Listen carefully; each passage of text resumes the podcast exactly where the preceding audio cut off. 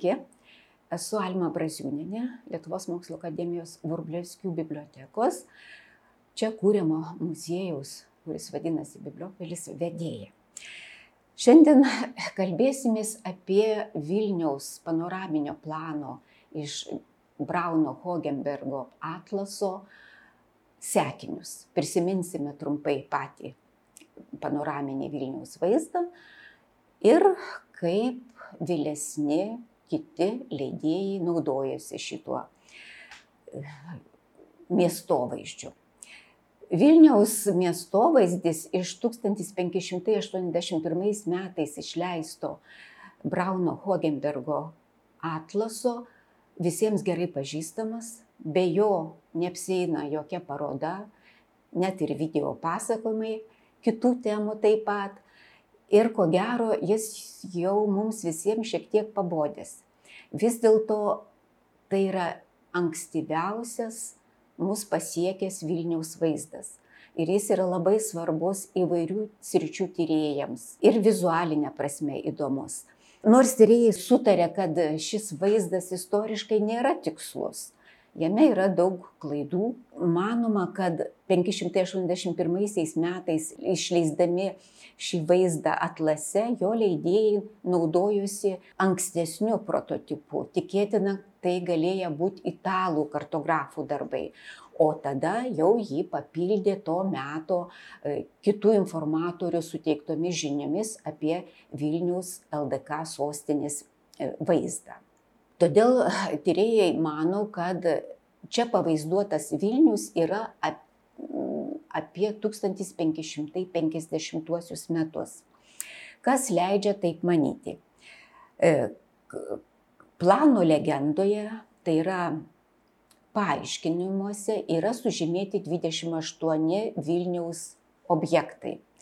Tarp jų yra ir žemutinės pilies, dabartinių valdovos valdovų rūmų teritorijoje buvęs jaunosios karalienės namas arba rūmai. Taip yra pažymėta tuose paaiškinimuose. Čia gyveno pirmoji Žygimanto Augusto žmona Elžbieta Habsburgaitė ir ji mirė 1545 metais. Vadinasi, miesto planą sudaręs asmuo arba teikęs informaciją apie miesto mm, statinius dar tikrai žinojau, kad šis pastatas būtent taip ir vadinosi. Kitas dalykas, plane yra pažymėta žemutinės pilies teritorijoje buvusi Šventojios Barboros arba Šventojios Onos bažnyčia, o ji ten stovėjo tik iki 1551 metų. Štai tokie argumentai leidžia mums teikti, kad mes matome paties vidurio, 16 amžiaus vidurio šiame e, miestovaizdėje pavaizduotą Vilnių. Kaip šis planas pateko į Brauno Hogenbergo atlasą Civitatis Orbis Terrarum. Sumanimas išleisti pasaulio miestų, įžymiausių pasaulio, geriausių, didžiausių, įdomiausių pasaulio miesto vaizdus, kaip tik ir priklauso Kelno e, geografui, leidėjui Georgui Braunui, minėta mano jau. Jis buvo ir vienos iš Kelno bažnyčių, e, ta bažnyčia vadinasi Šventojios Marijos prie laiptų bažnyčia, dekanas. Kitas asmuo labai svarbu šio, šio plano, vadinasi, ir viso, viso atlaso leidyboje buvo žymus flamandų kartografas ir raižytojas Fransas Hogenbergas.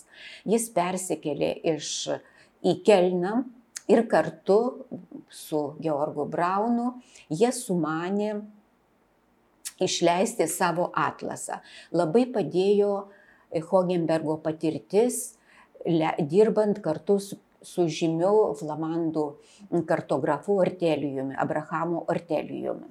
Iš viso buvo suburta apie, šimto, apie šimtas raižytųjų, kurie išraižė svarbiausių pasaulio miestų vaizdus. Atlasas buvo šešiatomis. Pirmas tomas buvo pradėt išleistas 1572, o šeštasis, paskutinis tomas užbaigtas jau 1617. Tai buvo lotynų kalba išleistas šešiatomis. Iškart po lotynų kalbos šešiatomio pradėta leisti atlasą vokiečių kalba ir prancūzų kalba.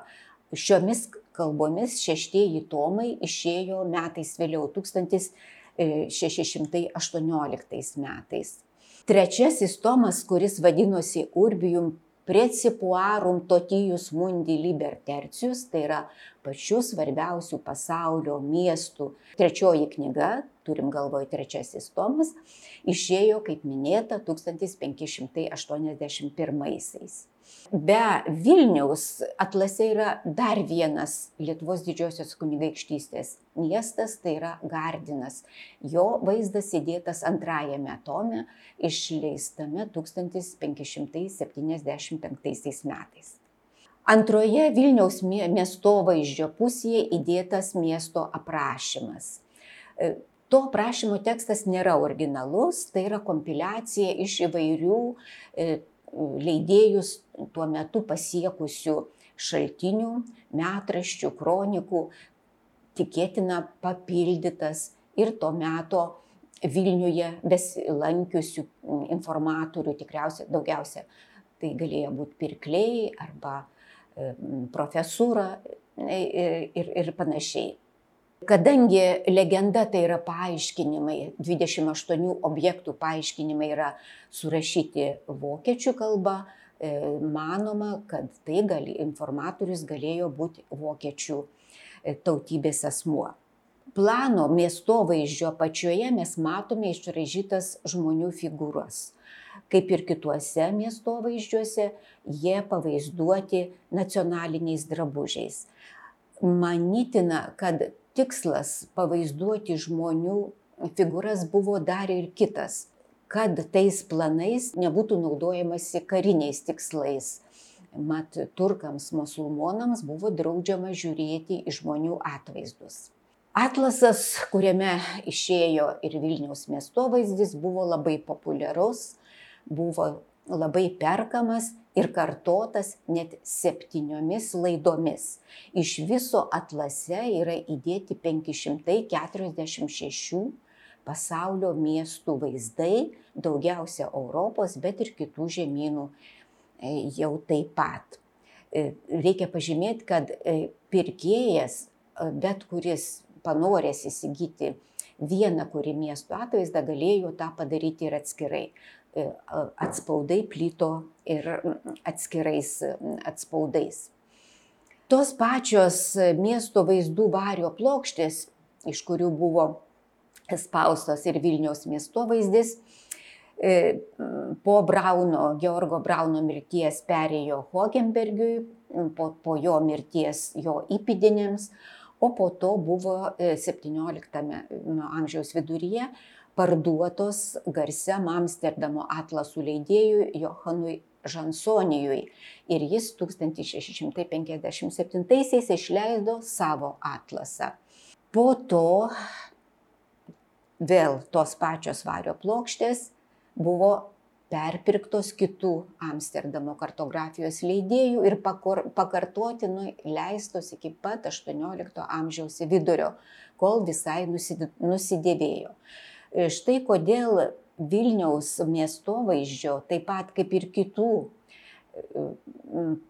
miestų vaizdų iš Brauno Hogenbergo atlaso šiuo metu galima sutikti labai daug egzempliorių, bet nežiūrint į tai, e, šis atspaudas yra labai mėgiamas ir kolekcininkų, bibliofilų, jo, jo yra nemažai ir institucinėse Mm,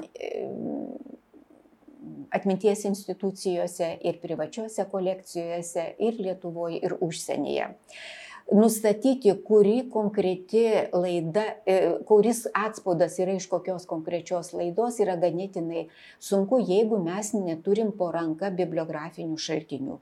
E, Olandų kartografijos bibliografai yra išleidę daugiatomį Commons Atlantės Niderlandici, tai yra bibliografija, kurioje suregistruoti visi atspaudai. Ir vat, naudojantis šiuo bibliografiniu šaltiniu jau mes galime e, nustatyti, kuri, kuri laik, iš kurios laidos mes konkretų atspaudą turime. Dabar pažiūrėkime, kaip 1581 metais išspausdintas Vilniaus panoraminis planas buvo perbražytas vėlesnių leidėjų ir kodėl tai reikėjo padaryti. Pirmiausia, todėl, kad atlas, e, šitas mūsų panoraminis planas, tai yra žvilgsnis į Vilnių iš paukščio skrydžio, yra gana solidaus didelio dydžio. Tai 37 iš 50 cm. Ir jis buvo spaudžiamas į vieną popieriaus lakštą, lakštas sulenkiamas, klyjuojama vadinama udegėlė, tokiu būdu ir buvo ir iš specifinių būdų buvo ir išinėjami at atlasai.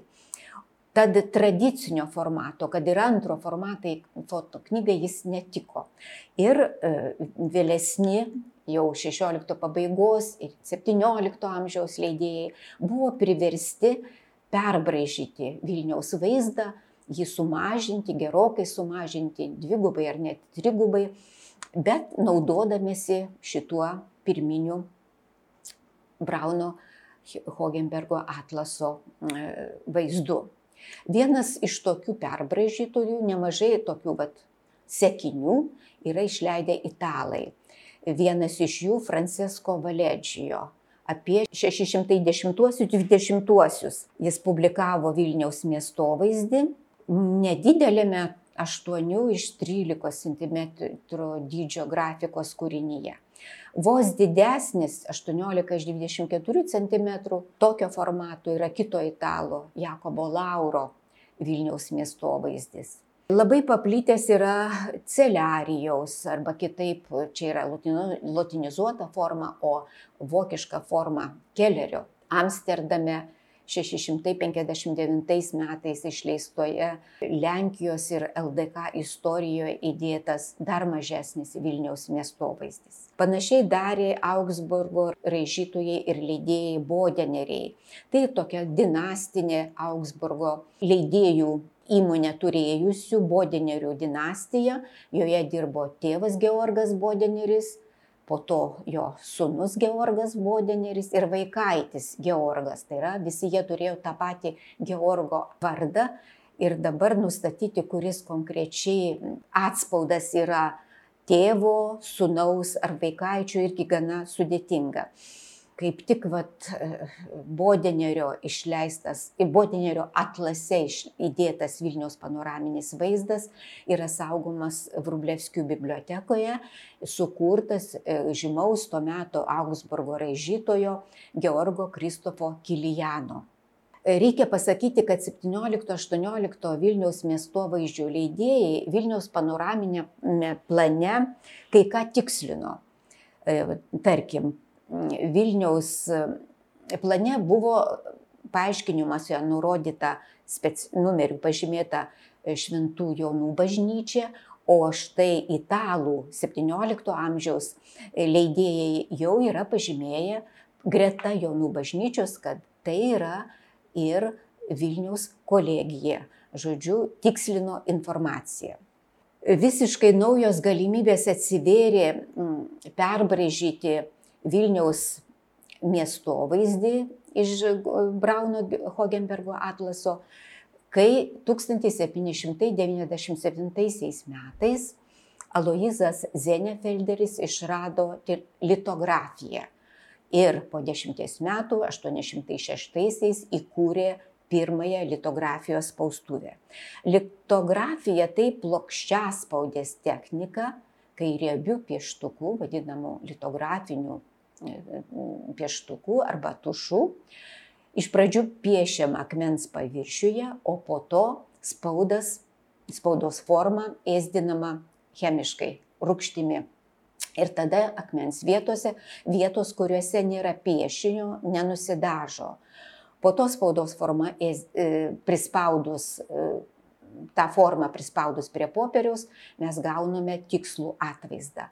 Litografinė technika, ypač vėliau atsiradusi chromolitografija, tai yra spalvota litografija, ypač tiko žemėlapiams kurti.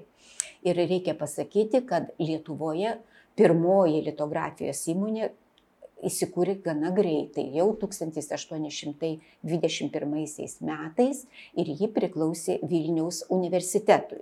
Ir štai po metų, tai yra 1822 metais, mes turime išleistą Stanislovo Čerskio litografuotą Vilniaus vaizdą, sekant Bodeneriu, kitaip tariant, vėl Vilniaus vaizdu iš Brauno Hogenbergo atlasų.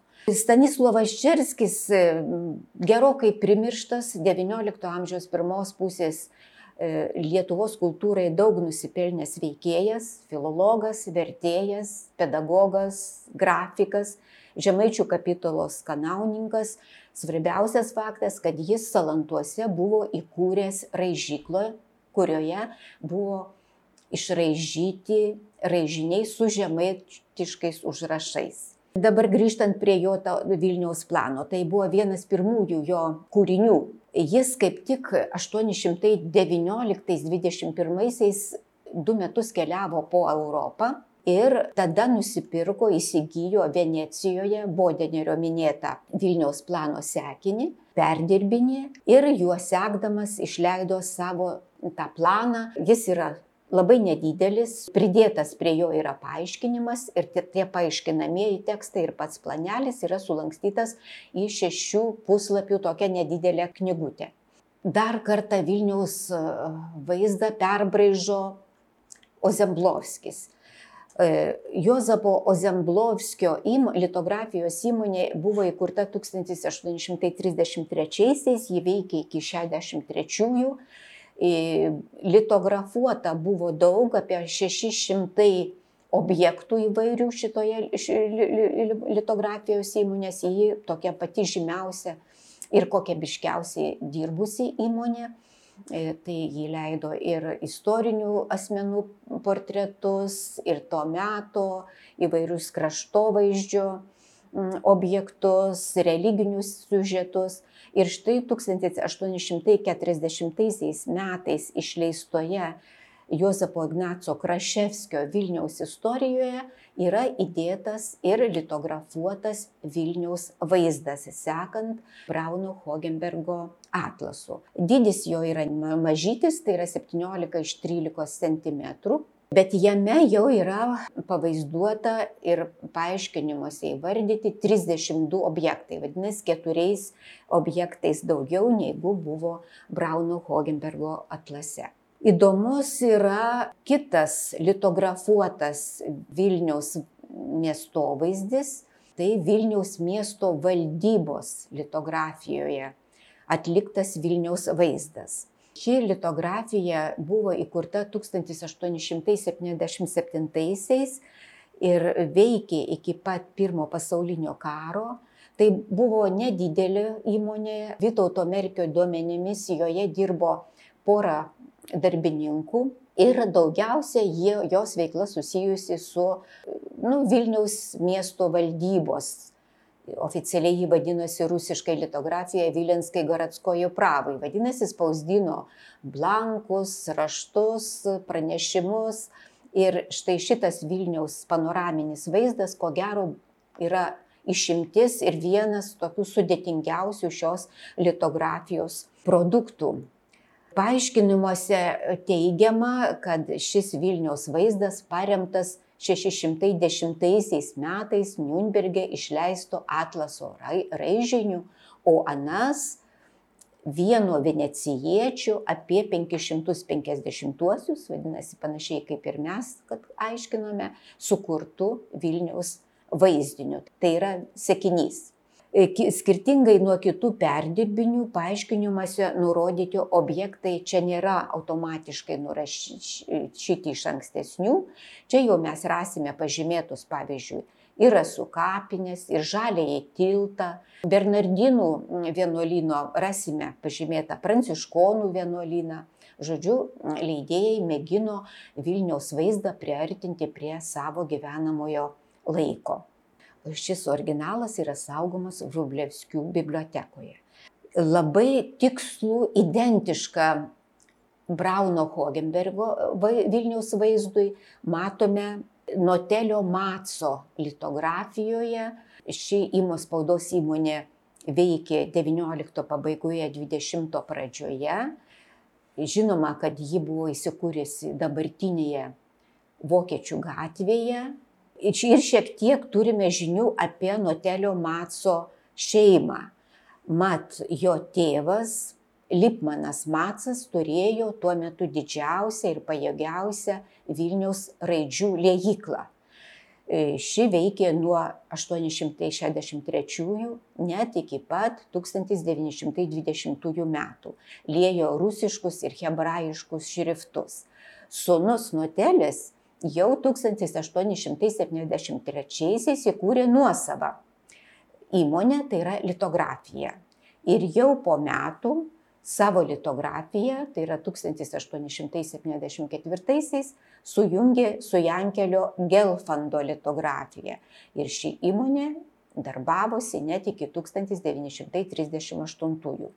Iš pradžių įmonė turėjo tik dvi staklės, o 913 jau 11 vokiškų litografavimo mašinų, taip pat dvi, tris spausdinimo mašinas E, įmonė turėjo iki 140 didelių litografinių akmenų, nuo kurių spaudė savo e, kūrinius, o mažų litografinių akmenų net iki tūkstančio. Taigi buvo viena pajėgiausių to meto Vilniaus litografijų.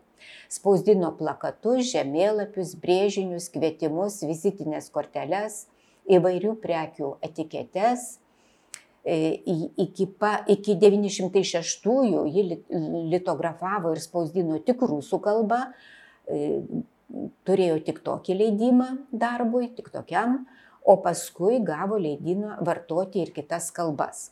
Už kokybiškus darbus įmonė, Nutelio Matso įmonė 1895 visos Rusijos spaudos darbų parodoje buvo apdovanotas sidabro medaliu.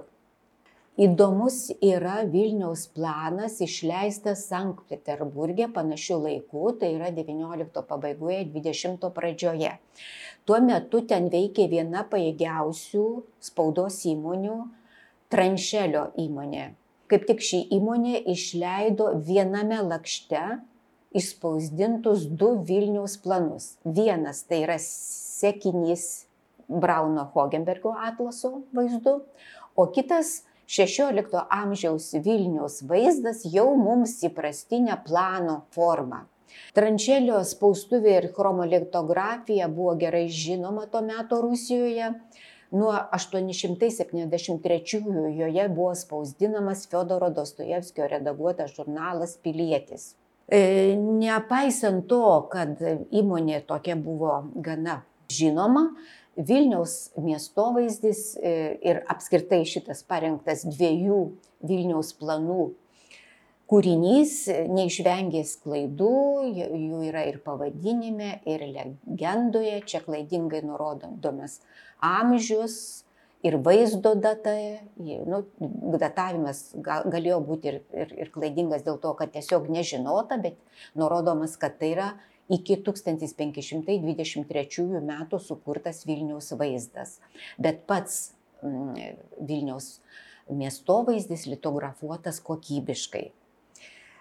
Žodžiu, šie XIX amžiaus litografuoti Vilniaus miestovaizdžiai sekant Brauno Hogenbergo Vilniaus panoraminiu planu yra verti didesnio dėmesio, jie yra mažai tirti ir norėjusi kaip tik į juos atkreipti mūsų visų dėmesį. Jie rodo, kad kaip tik XVI amžiaus viduryje sukurtas Vilnius vaizdas iš paukščio skrydžio net 300 metų išliko populiarus Jie yra svarbus tyrėjams, nagrinėjantiems XVI amžiaus Vilnių ir istorinę, ir informacinę, ir architektūrinę prasme. Šie miestovaizdžiai yra įdomus ir kaip istorinės kartografijos, ir kaip spaudos, ir kaip raižybos istorijos objektas. Žodžiu, tebe laukia įdėmesnių tyrimų.